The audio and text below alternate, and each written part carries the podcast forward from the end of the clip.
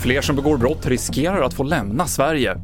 Åtal för att ha snott 1600-talskanon.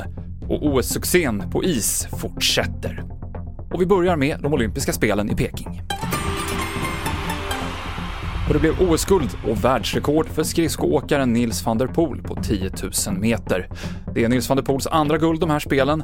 Så här säger den tidigare guldmedaljören Thomas Gustafsson om prestationen. Nej, men det var ju helt fantastiskt det han gjorde idag. Det, det är ju eh, liksom... Eh, att landa på det här eh, var väl knappast någonting som man själv hade kanske vågat drömma om. Eller så var det just exakt det som man drömde om när han började den här resan. Det kunde inte ha fått ett bättre slut.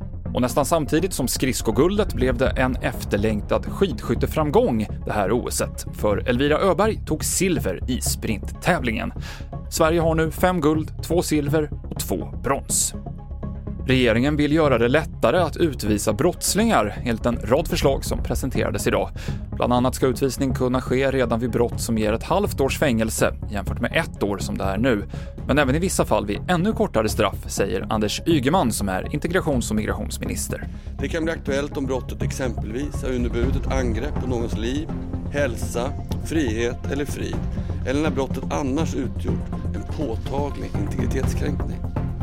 Det gäller särskilt om brottet har varit oprovocerat, utövats i en nära relation, riktades mot en äldre person, ett barn eller om det funnits hedersmotiv.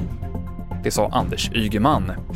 Ingen har blivit gripen för mordet i Kalmar tidigt i morse. En ung man sköts till döds i centrala Kalmar och enligt källor till Barometern hade mannen kopplingar till ett kriminellt nätverk och fyra vrakplundrare åtalas. De har vid flera tillfällen dykt vid ett skeppsvrak utanför Kalmar och tagit med sig föremål därifrån.